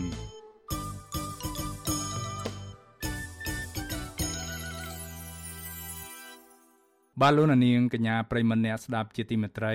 រឿងដាច់ដライមួយទៀត ក្រមប្រជាពលរដ្ឋសកម្មនៅក្នុងការទៀមទាឲ្យរដ្ឋាភិបាលបញ្ឈប់ការផ្ដាល់បានស្នាក់នៅអចិន្ត្រៃយ៍ដល់ជនអន្តោប្រវេសន៍បានដាក់លិខិតជូនដំណឹងទៅសាលារដ្ឋាភិបាលភ្នំពេញម្ដងទៀតកាលពីថ្ងៃទី20ខែកុម្ភៈម្សិលមិញដើម្បីជួបជុំគ្នាចំនួន120នាក់នៅថ្ងៃទី26ខែកុម្ភៈខាងមុខនោះ មន្ត្រីអង្គការសង្គមស៊ីវិលគាំទ្រចំពោះសកម្មភាពរបស់ប្រជាពលរដ្ឋដែលមានភាពក្លាហានហ៊ានលើកពីកង្វល់របស់ពួកគេ និងស្នើឲ្យរដ្ឋាភិបាល លើកកម្ពស់ការអនុវត្តច្បាប់ទៅលើជនអន្តោប្រវេសន៍ដើម្បីលើកកម្ពស់សុខសុវត្ថិភាពសង្គមជាតិបាទពីរដ្ឋធានី Washington លោកសេកបណ្ឌិតរាយការណ៍ព័ត៌មាននេះលិខិតជូនដំណឹងដែលក្រមប្រជាពលរដ្ឋសកម្មដាក់ជូនទៅសាលារាជធានីភ្នំពេញលើកឡើងថា មូលហេតុដែលពួកគេចង់ប្រមូលផ្ដុំប្រជាពលរដ្ឋដើម្បីផ្ដល់ឱកាសដល់សាធារណជនសម្ដែងមតិស្នើសុំឲ្យរដ្ឋាភិបាលបញ្ឈប់ការផ្ដល់បានស្នាក់នៅអចិន្ត្រៃយ៍ដល់ជនអន្តោប្រវេសន៍និងសារសុំឲ្យក្រសួងអប់រំយុវជននិងកីឡាបញ្ឈប់ការសាងសង់អគារសិក្សាជំនាញអក្សរសាស្ត្រវៀតណាម នៅសាកលវិទ្យាល័យភូមិន្ទភ្នំពេញលិខិតជូនដំណឹងបញ្ជាក់ថាពួកគេនឹងប្រមូលផ្ដុំប្រជាពលរដ្ឋចំនួន120នាក់ នៅទីលានប្រជាធិបតេយ្យក្នុងរាជធានីភ្នំពេញនៅថ្ងៃទី26ខែកុម្ភៈខាងមុខតំណាងក្រមពលរដ្ឋសកម្មដែលបានយកលិខិតដាក់ជូនទៅសាលារាជធានីភ្នំពេញលោកកុកកំឡៃប្រាប់បទសុអាស៊ីសេរីថាមន្ត្រីសាលារាជធានីភ្នំពេញបានទទួលលិខិតជូនដំណឹងរបស់ក្រមប្រជាពលរដ្ឋរួចហើយនៅព្រឹកថ្ងៃទី20ខែកុម្ភៈប៉ុន្តែខាងសាលារាជធានីភ្នំពេញមិនទាន់ឆ្លើយតបនៅឡើយទេលោកបន្ថែមថា ការប្រមូលផ្ដុំប្រជាពលរដ្ឋដើម្បីសម្ដែងមតិនិងការទៀមទាទាំងនេះมันមានចេតនាឬអើងឬបញ្ឆេះកំហឹងឲ្យស្អប់ដល់ជាតិសាសន៍ណាមួយនោះឡើយក៏ប៉ុន្តែធ្វើឡើងនៅក្នុងគោលបំណងការពីប្រទេស និងផលប្រយោជន៍ប្រជាពលរដ្ឋខ្មែរដែលត្រូវបានជន់អន្តោប្រវេសន៍ខុសច្បាប់មកដណ្ដើមមុខរបររកស៊ីនិងបំផ្លាញធនធានធម្មជាតិនៅកម្ពុជាតែប៉ុណ្ណោះជាមួយគ្នានេះលោកកុកកឹមឡៃសំណូមពរឲ្យប្រជាពលរដ្ឋនិងយុវជនស្នេហាជាតិ ចូលរួមសម្ដែងមតិឲ្យបានច្រើន ពីព្រោះការជួបជុំនេះធ្វើតែមួយថ្ងៃប៉ុណ្ណោះគឺនៅថ្ងៃអាទិត្យទី26ខែកុម្ភៈនៅទីលានប្រជាធិបតេយ្យក្នុងរាជធានីភ្នំពេញខ្ញុំសូមអំពាវនាវដល់ប្រជាពលរដ្ឋទាំងអស់ចូលរួមបដកម្មឲ្យបានច្រើនហើយចំពោះអ្នកដែលគាត់មិនបានចូលរួមគាត់មានជាថវិកាជួយជាថវិកា ដើម្បីផ្គត់ផ្គង់ដល់ក្រមយើងបន្តធ្វើនៅលើក្រោយក្រោយទៀតបើសិនជាលើកនឹងរាជរដ្ឋាភិបាលមិនអើពើនឹងការបដកម្មរបស់យើងយើងនឹងធ្វើនៅលើក្រោយក្រោយទៀតការគ្រប់គ្រងជនអន្តោប្រវេសន៍ពីសំណាក់រដ្ឋាភិបាលត្រូវបានគេមើលឃើញថាមិនសូវមានប្រសិទ្ធភាពនៅឡើយក្នុងនោះលំហូរជនជាតិវៀតណាម និងជនជាតិចិនខុសច្បាប់ជាច្រើន បានមករស់នៅនិងដណ្ដើមមុខរបររបស់ប្រជាពលរដ្ឋខ្មែរក្រមប្រជាពលរដ្ឋសកម្មមើលឃើញថា ខណៈការអនុវត្តច្បាប់ទៅលើជនអន្តោប្រវេសន៍នៅមានភាពទន់ខ្សោយនៅឡើយក៏ប៉ុន្តែរដ្ឋាភិបាលបែរជាចេញបានស្នាក់នៅអចិន្ត្រៃយ៍ឲ្យទៅជនអន្តោប្រវេសន៍ទាំងនោះទៅវិញវិទ្យុអាស៊ីសេរីនៅពុំទាន់អាចតតងแนะនាំពាក្យសាលារាជធានីភ្នំពេញលោកមេតមាសភក្តីដើម្បីបកស្រាយជុំវិញការដាក់លិខិតជូនដំណឹងនេះបាននៅឡើយទេ នៅថ្ងៃទី20ខែកុម្ភៈដោយទូរស័ព្ទចូលច្រើនដងតែពុំមានអ្នកទទួលទោះយ៉ាងណាតំណាងក្រមប្រជាពលរដ្ឋសកម្មប្រាប់វិទ្យុអាស៊ីសេរីថា ពួកគាត់នឹងធ្វើការប្រមូលផ្ដុំប្រជាពលរដ្ឋដើម្បីតវ៉ាសម្ដែងមតិបើទោះបីសាលារាជធានីភ្នំពេញមិនផ្ដល់ការអនុញ្ញាតក៏ដោយព្រោះការប្រមូលផ្ដុំប្រជាពលរដ្ឋនេះធ្វើឡើងស្របទៅតាមច្បាប់ស្ដីពីការធ្វើបាតកម្មដោយសន្តិវិធីជុំវិញរឿងនេះប្រធានមជ្ឈមណ្ឌលប្រជាពលរដ្ឋដើម្បីអភិវឌ្ឍនិងសន្តិភាពលោកយ៉ងកំឯងគាំទ្រចំពោះការជួបជុំសម្ដែងមតិរបស់ក្រមប្រជាពលរដ្ឋដើម្បីទាមទាររដ្ឋាភិបាល បញ្ឈប់ផ្ដល់បានស្នាក់នៅអចិន្ត្រៃយ៍ដល់ជនអន្តោប្រវេសន៍លោកបន្ថែមថារដ្ឋាភិបាលគួរតែអនុវត្តច្បាប់ទៅលើជនអន្តោប្រវេសន៍ជាជាងផ្ដល់បានស្នាក់នៅអចិន្ត្រៃយ៍ដល់ពួកគេដើម្បីលើកកម្ពស់សុខសន្តិភាពនៅក្នុងសង្គមលោកយ៉ងកំឯងបន្ថែមថាការស្នើសុំរបស់ក្រមប្រជាពលរដ្ឋមិនបានធ្វើឲ្យមានការស្អប់ខ្ពើមគ្នានោះឡើយក៏ប៉ុន្តែគឺជាការបំពេញតួនាទីក្នុងនាមជាប្រជាពលរដ្ឋដែលត្រូវការពារជាតិមាតុភូមិរបស់ខ្លួនតែប៉ុណ្ណោះ។ ជាបរដ្ឋម្នាក់ម្នាក់មានកាតព្វកិច្ចនៅក្នុងការទទួលខុសត្រូវចំពោះជោគវាសនាអនាគតប្រទេសជាតិរបស់ខ្លួននៅក្នុងរដ្ឋធម្មនុញ្ញក៏មានចែងអំពីសិទ្ធិពីកាតព្វកិច្ចរបស់ពលរដ្ឋគ្រប់រូបដែរអញ្ចឹងការបញ្ចេញមតិចេញយោបល់ហ្នឹងគឺដើម្បីឲ្យអ្នកធ្វើសេចក្តីសម្រេចចិត្តហ្នឹងបានដឹងឮបានដឹងពីកង្វល់របស់ជាបរដ្ឋក្រមប្រជាពលរដ្ឋសកម្មធ្លាប់បានធ្វើការតវ៉ាដូចនេះម្ដងរួចមកហើយកាលពីចុងខែធ្នូឆ្នាំ2022ក៏ប៉ុន្តែមន្ត្រីរដ្ឋាភិបាល មិនមានការឆ្លើយតបអ្វីនោះឡើយជុំវិញការស្នើសុំទាំងនេះដោយឡែកលោកថែលធីឡែនដែលជាអ្នកដឹកនាំការប្រមូលផ្ដុំតវ៉ាពីនោះត្រូវបានសមត្ថកិច្ចចាប់ខ្លួន កាលពីថ្ងៃទី4ខែតុលាហើយតុលាការខេត្តកណ្ដាលបានឃុំខ្លួនលោកបណ្ដោះអាសន្ននៅពន្ធនាគារខេត្តកណ្ដាលរហូតមកដល់ពេលសប្តាហ៍នេះក្រមប្រជាពលរដ្ឋដែលបានចូលរួមតវ៉ាលើកឡើងថា ពួកគេនឹងបន្តការតវ៉ាសម្ដែងមតិរហូតដល់រដ្ឋាភិបាល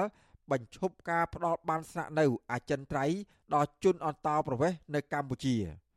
ខ្ញុំបាទសេកបណ្ឌិតវិទ្យុអាស៊ីសេរីពីរដ្ឋធានីវ៉ាស៊ីនតោន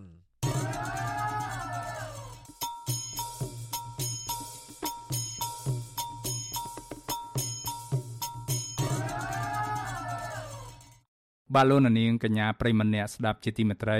យើងងាកមកស្ដាប់ព័ត៌មានតាក់ទងទៅនឹងបទល្មើសព្រៃឈើនៅឯតំបន់ការពារព្រៃឡង់វិញម្ដងបាដើមឈើធំធំដែលអ្នកស្រុកដុតយកជាប់ទឹកទៅលក់ដើម្បីផ្គត់ផ្គង់ជីវភាពប្រចាំថ្ងៃកំពុងទទួលរងនឹងការកាប់បំផ្លាញស្ទើរតែរៀងរាល់ថ្ងៃពីសំណាក់ក្រុមហ៊ុនឯកជនមួយ ដែលបើកការដ្ឋានអាឈើទ្រង់ទ្រាយធំ នៅជាប់តំបន់ព្រៃឡង់នៃខេត្តព្រះវិហារ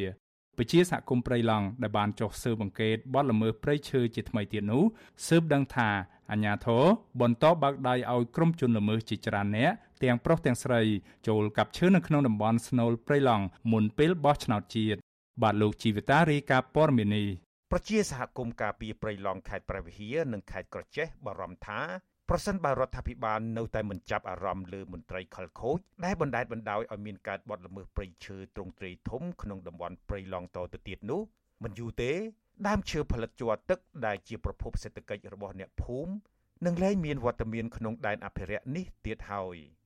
ពួកគាត់អះអាងថាអាញាធរខ្លះបានមកលួងលោមប្រជាសហគមន៍កុំឲ្យខ្វាយខ្វល់រឿងព្រៃឈើហើយក្រុមហ៊ុននឹងបើកប្រាក់ខែឲ្យជារៀងរាល់ខែ ការលើកឡើងនេះធ្វើឡើងក្រោយពីប្រជាសហគមន៍ការពីព្រៃឡង់ជិត30នាក់បានលបឆ្មក់ចុះល្បាតព្រៃឡង់ជាថ្មីទៀតអស់រយៈពេល4ថ្ងៃ3យប់ចាប់ពីថ្ងៃទី17ដល់ថ្ងៃទី20កុម្ភៈដោយរកឃើញសកម្មភាពកាប់ឈើមានតម្លៃដែលបទល្មើសនេះមានជាប់ពាក់ព័ន្ធនឹងអាជ្ញាធរមានសមត្ថកិច្ចមន្ត្រីបរិស្ថាននិងប៉ូលីសខុបខិតជាមួយមេការក្រុមហ៊ុន Macro Logistics ដែលបើកការដ្ឋានអាឈើទ្រង់ទ្រាយធំ ស្ថិតក្នុងបរិវេណក្រុមហ៊ុនវៀតណាម PNT ក្នុងស្រុករវៀងខេត្តព្រះវិហារពួកគាត់អះអាងថាក្រុមហ៊ុននេះនៅតែបញ្ជូនកម្លាំងកម្មករជិត40នាក់ប្រដាប់ដោយគោយន្តជាង10គ្រឿងនិងនិងរណាយន្តជាច្រើនគ្រឿងទៀតហើយពួកគេបានបោះតង់នៅក្នុងព្រៃអភិរក្សដើម្បីកាប់ឈើលក់ឲ្យក្រុមហ៊ុនជាង3សប្តាហ៍មកហើយ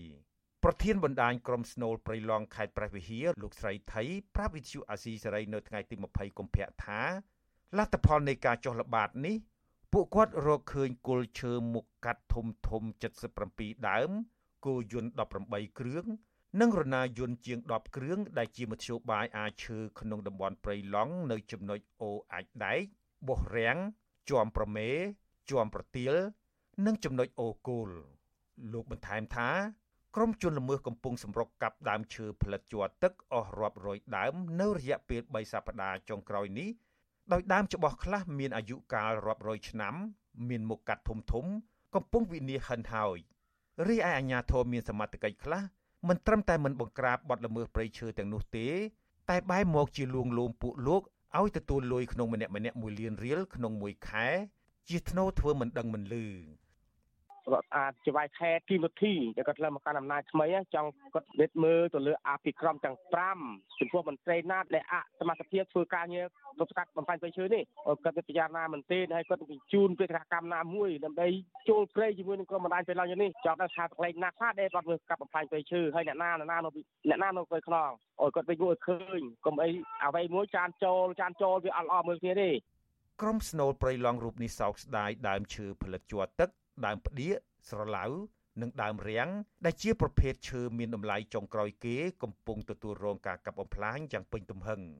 ចំណែកឆ្មាំអភិរក្សរបស់ក្រសួងបរិស្ថាននិងសមត្ថកិច្ចខ្លះដែលឈរយាមព្រៃនៅតំបន់នោះនៅតែទទួលប្រយោជន៍ពីក្រុមជនល្មើសជាធ្នូមិនអនុវត្តច្បាប់ដោយឡែកប្រជាសហគមន៍ការពីព្រៃឡង់មួយក្រុមផ្សេងទៀតនៅខេត្តក្រចេះគឺលោកឯកសវណ្ណាដែលទៅតែបញ្ចប់បេសកកម្មចុះល្បាតព្រៃឲ្យដឹងថា លទ្ធផលនៃការចុះល្បាតរបស់ពួកលោករកឃើញបទល្មើសព្រៃឈើជាង300ករណីក្នុងនោះមានគល់ឈើ100ដើមនិងដើមឈើជាច្រើនដើមទៀតត្រូវបានផ្ដួលរំលំលោកថាបទល្មើសទាំងនេះប្រព្រឹត្តនៅចំណុចវាលស្រែតាព្រំអូជាំនិងវាលភ្នំក្រហម បានក្លាយជាទីផ្សារកាប់ឈើយ៉ាងពេញទំហឹងខណៈដែលពួកលោកបានខកខានចុះល្បាតព្រៃឈើជាង2ឆ្នាំមកហើយក្រោយពេលក្រសួងបរិស្ថានរដ្ឋបិទមិនអោយចូល។ ចំណុចវាស្រែតាព្រំអូជាំហើយនឹងចំណុចភ្នំក្រហម ជារបត់ល្មើសកំពុងតែអានៅជារៀងរាល់ថ្ងៃនៅទីនោះតែម្ដង កាលពីថ្ងៃទី16ដល់ថ្ងៃទី19កុម្ភៈបណ្ដាញសហគមន៍ព្រៃឡង់ខេត្តក្រចេះ22នាក់បានចុះល្បាតព្រៃឡង់រយៈពេល4ថ្ងៃ3យប់ដោយរកឃើញសាកសពដើមឈើរាប់រយដើម និងគល់ឈើជាង100ដើម។ វិទ្យុអាស៊ីសេរីមិនអាចតាក់ទងសុំការបំភ្លឺរឿងនេះពីអ្នកនាំពាក្យក្រសួងបរិស្ថានលោកនេតភក្ត្រានិងអ្នកនាំពាក្យក្រសួងកសិកម្មកញ្ញាអឹមរចនាបាននៅឡើយទេនៅថ្ងៃទី20កុម្ភៈចំណែកមេការក្រុមហ៊ុន Macro Logistics លោកសយសុផលក៏វិទ្យុអាស៊ីសេរីមិនទាន់អាចសុំការបំភ្លឺបានដែរនៅថ្ងៃដដែលនេះឆ្លើយតបនឹងរឿងនេះអ្នកនាំពាក្យគណៈកម្មការជាតិទប់ស្កាត់និងបង្ក្រាបបទល្មើសធនធានធម្មជាតិលោកអេងហ៊ីប្រាប់វិទ្យុអាស៊ីសេរីថា ប្រសិនបើរកឃើញបទល្មើសព្រៃឈើប្រជាសហគមន៍អាចរាយការណ៍ទៅអាជ្ញាធរដែនដីនិងមន្ត្រីបរិស្ថាន ដើម្បីទប់ស្កាត់បទល្មើសជាក់ស្ដែងឲ្យទាន់ពេលលោកបន្ថែមថាអភិបាលខេត្តសមីបានបដិញ្ញាចិត្តបង្ក្រាបបទល្មើសព្រៃឈើឲ្យមានប្រសិទ្ធភាពនៅក្នុងកិច្ចប្រជុំថ្នាក់ជាតិស្របតាមសារាចរណ៍លេខ09និងច្បាប់ស្តីពីព្រៃឈើ បាទសូមឲ្យខាងព្រៃឡង់ជួបជាមួយនឹងអាជ្ញាធរដែនដីជាពិសេសគឺឯកឧត្តមអាបាលខេត្តហ្មងគាត់ទទួលការងារហ្នឹងគាត់យកចិត្តទុកដាក់ណាស់ព្រោះគាត់កិច្ចប្រជុំគឺគាត់នឹងធ្វើការងារហ្នឹងបាទព្រោះកិច្ចការងារបើសិនជាការងារធំអាហ្នឹងគឺកម្លាំងរបស់យើងនឹងចុះទៅទោះជាយ៉ាងណាក្រុមអ្នកឃ្លាំមើលព្រៃឈើថាមន្ត្រីរដ្ឋាភិបាល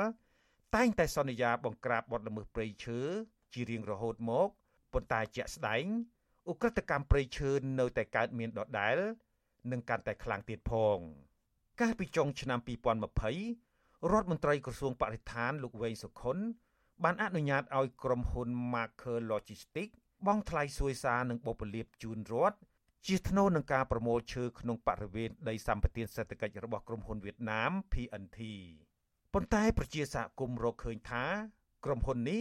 បានបញ្ជូនកម្លាំងកម្មកររាប់សិបនាក់ចូលកាប់ឈើហួសពីអ្វីដែលក្រសួងបានអនុញ្ញាតហើយកម្មករក្រុមហ៊ុនបានចូលក្នុងដែនជម្រកសត្វព្រៃឡង់ក្នុងស្រុករវៀងដើម្បីកាប់ឈើទ្រង់ទ្រាយធំជាង2ឆ្នាំមកហើយដោយខុបខិតជាមួយក្រុមហ៊ុនវៀតណាម PNT និងមន្ត្រីជំនាញមួយចំនួន លើសពីនេះទៀតក្រុមហ៊ុនមានម៉ាស៊ីនអាចជ្រៀកឈើខ្នាតធំ4គ្រឿងស្ថិតក្នុងស្រុករវៀងជាប់ព្រៃឡង់ខេត្តព្រះវិហារទៀតផង ក្រុមហ៊ុន PNT របស់វៀតណាមនេះ ទទួលបានដីសម្បត្តិសេដ្ឋកិច្ចពីរដ្ឋាភិបាលទំហំជិត8000ហិកតាក្នុងស្រុករវៀងខេត្តព្រះវិហារកាលពីឆ្នាំ2010ក្រុមកិច្ចសន្យារយៈពេល70ឆ្នាំខ្លឹមសារក្នុងកិច្ចសន្យាក្រុមហ៊ុននេះត្រូវវិនិយោគដំណាំក្លឹមច័ន្ទចន្ទទី និងដំណាំរួមផ្សំផ្សេងទៀតប៉ុន្តែប្រជាសហគមន៍អះអាងថាជាក់ស្ដែងក្រុមហ៊ុននេះមិនបានដាំដុះតាមកិច្ចសន្យានោះទេដោយផ្ដោតលើការឈូសឆាយព្រៃឲ្យคล้ายជាវាល និងកាប់ឈើធ្វើអាជីវកម្មទៅវិញប្រជាសហគមន៍ព្រៃឡង់បន្ថែមថាវត្តមានក្រុមហ៊ុនវៀតណាមមួយនេះបានបំផ្លាញព្រៃឈើនិងធនធានធម្មជាតិយ៉ាងធំសម្បើមធ្វើឲ្យពលរដ្ឋជួបការលំបាកក្នុងជីវភាព បាត់បង់ព្រៃឈើអាស្រ័យផល ហើយមានពលរដ្ឋខ្លះទៀតជាប់បណ្ដឹងនៅតុលាការដោយសារតែការពីព្រៃឈើខ្ញុំជីវិតាអាស៊ីសេរី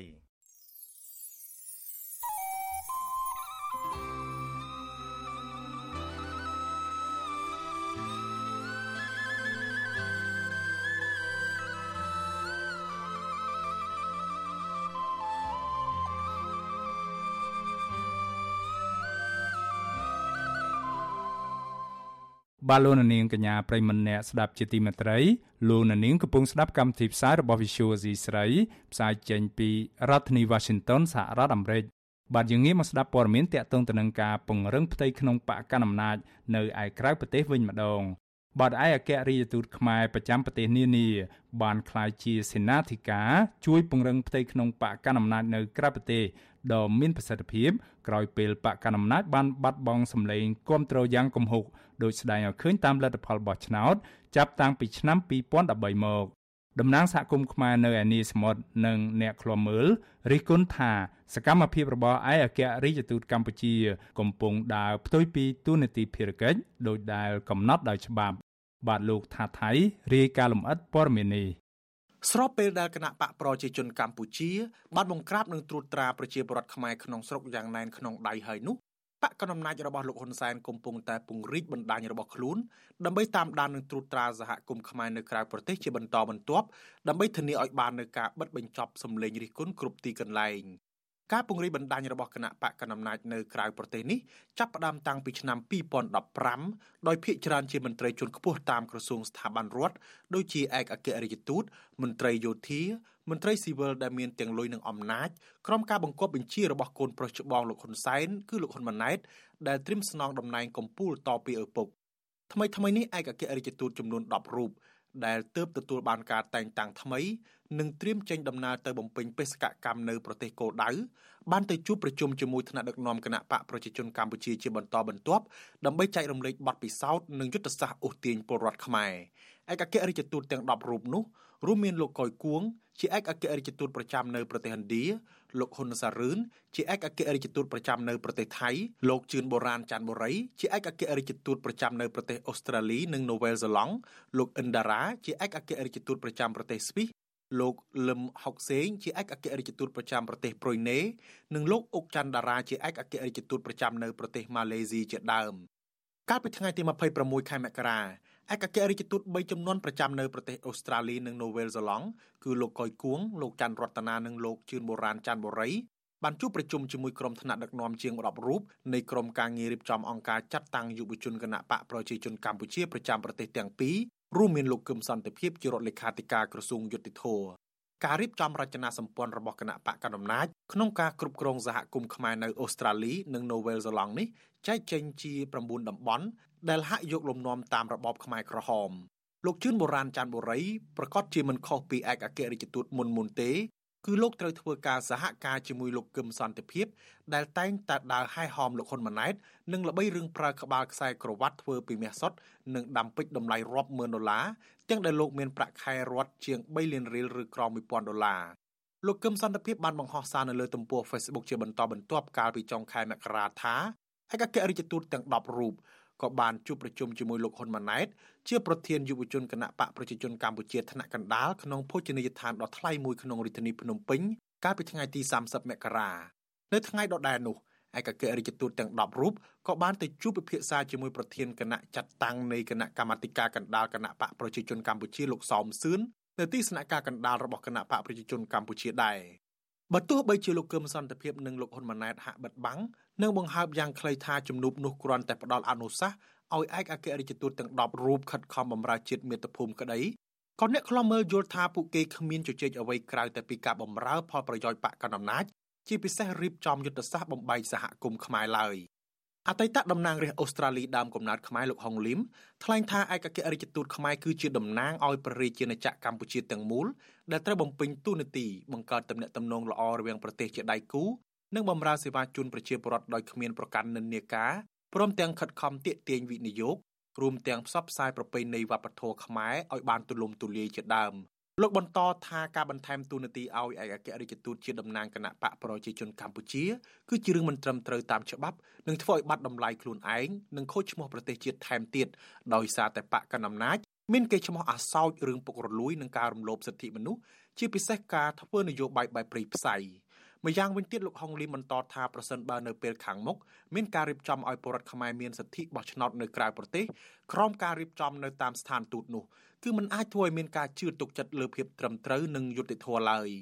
ហើយពិសេសគណៈបព្វជិជនហ្នឹងរដ្ឋាភិបាលហ្នឹងដែលគេសោបអនប្រហែលដីក្នុងពិសេសក្នុងពិភពលោកសេរីនេះដែលគេទៅប្រមូលពីការគាត់ឈ្លានពានជិះជាន់ប្លន់ទឹកប្លន់ដីគេប្លន់សិទ្ធិមនុស្សហ្នឹងគឺថាប្រយោជន៍សាយខាងផ្នែកនយោបាយហ្នឹងហើយដល់យើងយើងតំណាងគណៈបព្វហ្នឹងគាត់និយាយថាខណៈគេដើរយើងចូលជួបគេហ្នឹងគេខ្ពើមិនចង់មើលមុខយើងគេប៉ុន្តែគេគេគួរសង្កេតចាប់ដៃទៅប៉ុន្តែតែគេមើលងាយយើងអត់ដឹងថាយើងគេថាវានៅជ្រិញតែត្រឹមហ្នឹងតែនឹងកម្រិតទីកម្រិតអត់មានលក្ខណៈជាអន្តរជាតិហើយយើងចូលទៅជួបគេជួបអីនៅកន្លែងណាក្នុងពេលប្រជុំក៏គេដឹងថាមនុស្សនេះគឺចំណានគណៈបកមួយដែលពុករលួយជាងគេគាត់នៅពិភពលោកនេះអ្នកដែលចាប់ផ្ដើមបោះបង្គោលគណៈបកប្រជាជនកម្ពុជានៅលើទឹកដីបរទេសនេះគឺឯកអគ្គរដ្ឋទូត7រូបដែលបានតែងតាំងពីឆ្នាំ2015ហើយត្រូវធ្វើការជាមួយលោកហ៊ុនម៉ាណែតដូចជាលោកកុយគួងអតីតឯកអគ្គរដ្ឋទូតប្រចាំប្រទេសអូស្ត្រាលីនិងនូវែលសេឡង់និងលោកជុំប៊ុនរងឯកអគ្គរដ្ឋទូតប្រចាំសហរដ្ឋអាមេរិកជាដើម ឯកអគ្គរដ្ឋទូតទាំងអស់សុទ្ធតែមានតួនាទីជាប្រធានគណៈកម្មាធិការគណៈបកប្រជាជនកម្ពុជាប្រចាំប្រទេសដែលពួកគេកំពុងបំពេញបេសកកម្មការទូតនោះតួនាទីការងារបកនេះនឹងផ្លាស់ប្ដូរទៅឲ្យឯកអគ្គរដ្ឋទូតថ្មីដែលចូលមកជំនួសឯកអគ្គរដ្ឋទូតទាំងនេះមានតួនាទីចោះពង្រឹងបកជាប្រចាំលើសពីនេះឯកអគ្គរដ្ឋទូតប្រចាំប្រទេសមួយចំនួនដូចជានៅប្រទេសអូស្ត្រាលីជាដើមតែងតែដើរជាមួយក្រុមថ្នាក់ដឹកនាំបកកណ្ដាលអំណាចដែលតែងតែជិះយន្តហោះមកចំណាយលុយរាប់ម៉ឺនដុល្លាររៀបចំកម្មវិធីជប់លៀងដើម្បីគៀកោពលរដ្ឋខ្មែរឲ្យងាកទៅគាំទ្របកកណ្ដាលអំណាចមិនថាថ្ងៃចុងសប្តាហ៍ឬដើមសប្តាហ៍នោះទេកន្លងមកលោកគឹមសន្តិភាពបានបង្ហោះសារបង្ហាញពីអតីតឯកអគ្គរដ្ឋទូតខ្មែរប្រចាំប្រទេសអូស្ត្រាលីលោកច័ន្ទរតនាបានយកត្រាស្ថានទូតដើម្បីវាយទឹកធការឬវីសាប្រភេទពិសេសដល់ពលរដ្ឋខ្មែរដែលទៅចូលរួមកម្មវិធីបកកណ្ដាលអំណាចថែមទៀតមិនត្រឹមតែប៉ុណ្ណោះឯកអគ្គរដ្ឋទូតខ្លះ ក៏តែងតែយកទីតាំងស្ថានទូតសម្រាប់ប្រជុំបកជាដើមទង្វើទាំងនេះផ្ទុយពីច្បាប់ស្តីពីការបោះឆ្នោតជ្រើសតាំងតំណាងរាស្ត្រមេត្រា80និងមេត្រា82ដែលហាមន្ត្រីរាជការទាំងអស់មិនឲ្យប្រើប្រាស់អាគារថវិកានិងសម្ភារៈដែលជាសម្បត្តិរបស់រដ្ឋដើម្បីធ្វើសកម្មភាពឃោសនាឲ្យគណៈបកណាមួយឬបេក្ខជនណាម្នាក់ឡើយតាកតងរឿងនេះ វិទ្យុអាស៊ីសេរីមិនអាចសុំការឆ្លើយតបពីលោកកុយគួងជាឯកអគ្គរដ្ឋទូតប្រចាំប្រទេសឥណ្ឌានិងអ្នកនាំពាក្យក្រសួងការបរទេសលោកអានសុខឿនបានទេដោយទូរស័ព្ទចូលពុំមានអ្នកទទួលក៏ប៉ុន្តែអ្នកនាំពាក្យបកកណ្ដាលអំណាចលោកសុកអេសានបកស្រាយថាឯកអគ្គរដ្ឋទូតជាមន្ត្រីដែលត្រូវបានតែងតាំងចេញពីគណៈបកឆ្នះឆ្នោតដូច្នេះពួកគាត់មានសិទ្ធិធ្វើការងារបកផងនិងធ្វើការងារទូតផង មានច្បាប់គេគេមិនដាច់ខាតតែឲ្យអ្នកឯងធ្វើមន្ត្រីរាជការហើយអ្នកឯងមិនធ្វើការងារនយោបាយអត់ទេគេមានច្បាប់ក៏ប៉ុន្តែគេកំណត់លក្ខខណ្ឌពេលវេលាណាអមារយោជាមន្ត្រីរាជការអញ្ចឹងគេធ្វើការងារនយោបាយក្រៅម៉ោងស្នូលនៃមន្ត្រីរាជការមិនប្រើប្រាស់មធ្យោបាយរបស់រដ្ឋទៅបំរើនយោបាយរបស់គណៈបកអាហ្នឹងគេមានលក្ខខណ្ឌយ៉ាងឯមន្ត្រីទាំងអស់នោះគេអនុវត្តត្រឹមត្រូវទៅតាមគោលការណ៍ច្បាប់ដែលបានកំណត់ បន្ថែមពីនេះលោកសុកអេសានលើកឡើងថាករណីមន្ត្រីជាន់ខ្ពស់តាមក្រសួងស្ថាប័នផ្សេងទៀតដូចជាករណីលោកកឹមសន្តិភាពចំណាយពេលវេលាច្រើនដើរពង្រឹងគណៈបករហូតដល់កន្លះខែក៏មាននោះដោយសារថ្នាក់ដឹកនាំក្រសួងបានអនុញ្ញាតច្បាប់ហើយការចំណាយផ្សេងផ្សេងគឺជាបន្ទុករបស់ខ្លួននិងគណៈបកផ្ទាល់ក៏ប៉ុន្តែអ្នកនាំពាក្យបកកណ្ដាលអំណាចរូបនេះមិនសប្បាយចិត្តចំពោះការសួរនាំអំពីប្រភពលុយសម្រាប់ចំណាយដ៏ច្រើនសន្ធឹកសន្ធាប់នៅក្រៅប្រទេសនោះទេ អ្នកដែលចោតប្រកាន់នេះវាអត់យល់ដោយឯកឧត្តមកឹមចន្ទភាពគាត់ជាអ្នកនាំពាក្យក្រសួងយុតិធធហើយគាត់ជារដ្ឋលេខាធិការក្រសួងយុតិធធតែពេលដែលគាត់មកធ្វើការងារនយោបាយនៅអូស្ត្រាលីនេះគឺគាត់សុំច្បាប់ក្រសួងរដ្ឋមន្ត្រីអនុញ្ញាតច្បាប់ឲ្យគាត់អញ្ចឹងទេគាត់ចង់កន្លះខែក៏បានគាត់ចង់មួយខែក៏បានឲ្យតែឯកឧត្តមរដ្ឋមន្ត្រីអនុញ្ញាតច្បាប់ឲ្យគាត់សម្រាប់ពីការងារស្នូល ប៉ុន្តែអតីតតំណាងរាស្ត្រអូស្ត្រាលីដើមកំណត់ខ្មែរអស់សំណើចនឹងច្រានចោលការយល់ឃើញរបស់លោកសុកអេសាននេះលោកហុងលីបញ្ជាក់ថាសកម្មភាពរបស់ឯកអគ្គរដ្ឋទូតនិងមន្ត្រីរាជការដែលចំណាយពេលវេលាដើរពង្រឹងបកនៅក្រៅប្រទេសនេះគឺជារឿងមិនត្រឹមត្រូវហើយធ្វើឲ្យប៉ះពាល់ដល់ផលប្រយោជន៍ជាតិលោកអះអាងថាប្រសិនបើនៅប្រទេសដែលមានប្រជាធិបតេយ្យនិងនីតិរដ្ឋពិតប្រាកដវិញគឺមន្ត្រីបែបនេះនឹងត្រូវប្រឈមការបណ្តេញចេញពីទូនាទី ជាមួយគ្នានេះអ្នកសិក្សាផ្នែកច្បាប់លោកវ៉ុនចាន់ឡូតនិយាយថាឯកអគ្គរដ្ឋទូតដែលត្រូវបានព្រះមហាក្សត្រតែងតាំងគឺជាតំណាងជាតិទាំងមូលដើម្បីការពារផលប្រយោជន៍ជាតិនិងផលប្រយោជន៍ពលរដ្ឋលោកចាត់ទុកថាករណីឯកអគ្គរដ្ឋទូតคล้ายជាតំណាងបកគឺជាការដើរផ្ទុយពីទូនាទីភារកិច្ចរបស់ខ្លួនហើយអាចធ្វើឲ្យបាត់បង់ផលប្រយោជន៍ជាតិនិងធ្វើឲ្យបែកបាក់ក្នុងចំណោមសហគមន៍ខ្មែរទៀតផង គាត់មិនមែនជាអ្នកនយោបាយដូចជាតំណាងរាស្ត្រទេបាទកន្លែងហ្នឹងដែលយើងត្រូវយល់ហើយតែដោយសារតែមានការបកស្រាយឬក៏បកនយោបាយវាមានអត្តពលជាងដំប្រយោជន៍របស់ជាតិអញ្ចឹងហើយធ្វើឲ្យបុគ្គលទាំងនោះគឺគាត់ត្រូវមានការគិតឡើងវិញអំពីការតម្កល់នៅផលប្រយោជន៍បកហើយនិងការតម្កល់នៅផលប្រយោជន៍ជាតិ ប្រសិនជាគាត់រក្សានៅជាបុគ្គលដើម្បីអាចរក្សានៅប្រយោជន៍ជាតិពេលខ្លះវាផ្ទុយទៅនឹងអ្វីដែលបកចង់បានឬក៏បកដែលបញ្ជូនបុគ្គលមួយមួយទៅហ្នឹងมันឃើញថាមានផលចំណេញអីសម្រាប់បកនយោបាយក្នុងទេពេលខ្លះវាប៉ះពាល់ទៅដល់ទួនាទីរបស់គាត់ដែរអ្នកសិក្សាផ្នែកច្បាប់រូបនេះបន្តថា ចំពោះករណីមន្ត្រីរាជការដែលប្រើពេលវេលានៅក្នុងម៉ោងការងាររដ្ឋដើរឃោសនាឲ្យបកកណ្ដាលអំណាចគឺជារឿងមិនត្រឹមត្រូវនោះទេបើទោះបីជាមានការអនុញ្ញាតពីថ្នាក់ដឹកនាំស្ថាប័នក៏ដោយលោកស្នើឲ្យមន្ត្រីបកកណ្ដាលអំណាចបែងចែកឲ្យដាច់កុំឲ្យលោកលំរវាងការងាររដ្ឋនិងការងារបកសកម្មភាពទាំងអស់នោះវាមិនបានផ្ដោត ទៅលើផលប្រយោជន៍របស់ជាតិទេពីព្រោះអ្នកនយោបាយទាំងអស់នោះគាត់ងាកងាកគាត់ចេញបេសកកម្មទៅក្រៅគាត់ដែលជាយកឱកាសរបស់គាត់ហ្នឹងដើម្បីតែផ្សព្វផ្សាយអំពីសមិទ្ធផលក៏ដូចជារឿងល្អល្អរបស់ខ្លួនគាត់អត់បានយកឱកាសនៃការចេញបេសកកម្មទៅក្រៅដើម្បីជួបនៅបណ្ដាប្រទេសដែលគេអភិវឌ្ឍទាំងអស់ហ្នឹងថាតើត្រូវតែចែកយ៉ាងម៉េចដើម្បីឲ្យគេមានឱកាសមកវិនិយោគមកបង្កើនការងារឬក៏ជំរុញឲ្យមានទំនាក់ទំនងល្អជាមួយនឹងប្រទេសកម្ពុជាដូចជាកម្រឃើញមានតែអញ្ចឹងហើយខ្ញុំមើលឃើញថារូបភាពនយោបាយគឺកំពុងតែដើរប្រឆាំងអំពីផលប្រយោជន៍របស់ជាតិច្បាប់ស្តីពីការបោះឆ្នោតជ្រើសតាំងតំណាងរាស្ត្រមាត្រា83ចែងថាបន្ទាប់ពីបញ្ចប់ម៉ោងធ្វើការឬស្ថិតនៅក្រៅម៉ោងការងារឬមិនស្ថិតនៅក្នុងពេលបំពេញការងារក្នុងសមត្ថភាពផ្លូវការមន្ត្រីរាជការទាំងអស់អាចចូលរួមក្នុងសកម្មភាពឃោសនាគាំទ្រគណៈបកនយោបាយឬបេក្ខជនណាបានក៏ប៉ុន្តែមិនត្រូវពាក់ឯកសន្តាននិងអាវុធជាប់នឹងខ្លួនឡើយចំណែកក្នុងអំឡុងពេលម៉ោងធ្វើការមិនបានអនុញ្ញាតនោះទេ ក៏ប៉ុន្តែអ្នកឃ្លាំមើលសង្កេតឃើញថាមន្ត្រីរាជការមួយចំនួនរួមទាំងលោកហ៊ុនម៉ាណែតតែងតែឃោសនារោគសម្លេងឆ្នោតឲ្យបកកណ្ដាលអំណាចដោយមិនខ្វល់នៅក្នុងម៉ោងការងាររដ្ឋឡើយទោះជាយ៉ាងណាអ្នកឃ្លាំមើលយល់ថាកិច្ចខិតខំប្រឹងប្រែងរបស់បកកណ្ដាលអំណាចដែលប្រើប្រាស់គ្រប់មធ្យោបាយ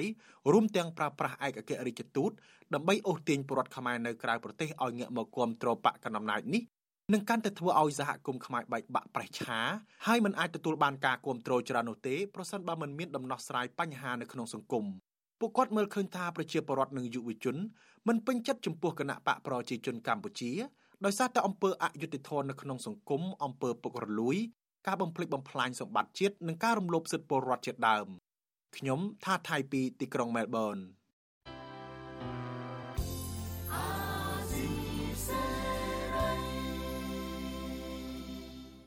បាទលោកនាងកញ្ញាប្រិមម្នាក់ស្ដាប់ជាទីមេត្រីកម្មវិធីផ្សាយរយៈពេល1ម៉ោងនៃ Visual Asia ស្រីជាភាសាខ្មែរនៅពេលនេះចប់តែប៉ុណ្ណេះយើងខ្ញុំសូមជូនពរដល់លោកនាងកញ្ញាព្រមទាំងក្រុមគ្រួសារទាំងអស់ឲ្យជួបប្រកបតែនឹងសេចក្តីសុខចម្រើនរុងរឿងកំបីគ្លៀនគ្លាតឡើយខ្ញុំបាទមេរិតព្រមទាំងក្រុមការងារទាំងអស់នៃ Visual Asia ស្រីសូមអរគុណនិងសូមជម្រាបលា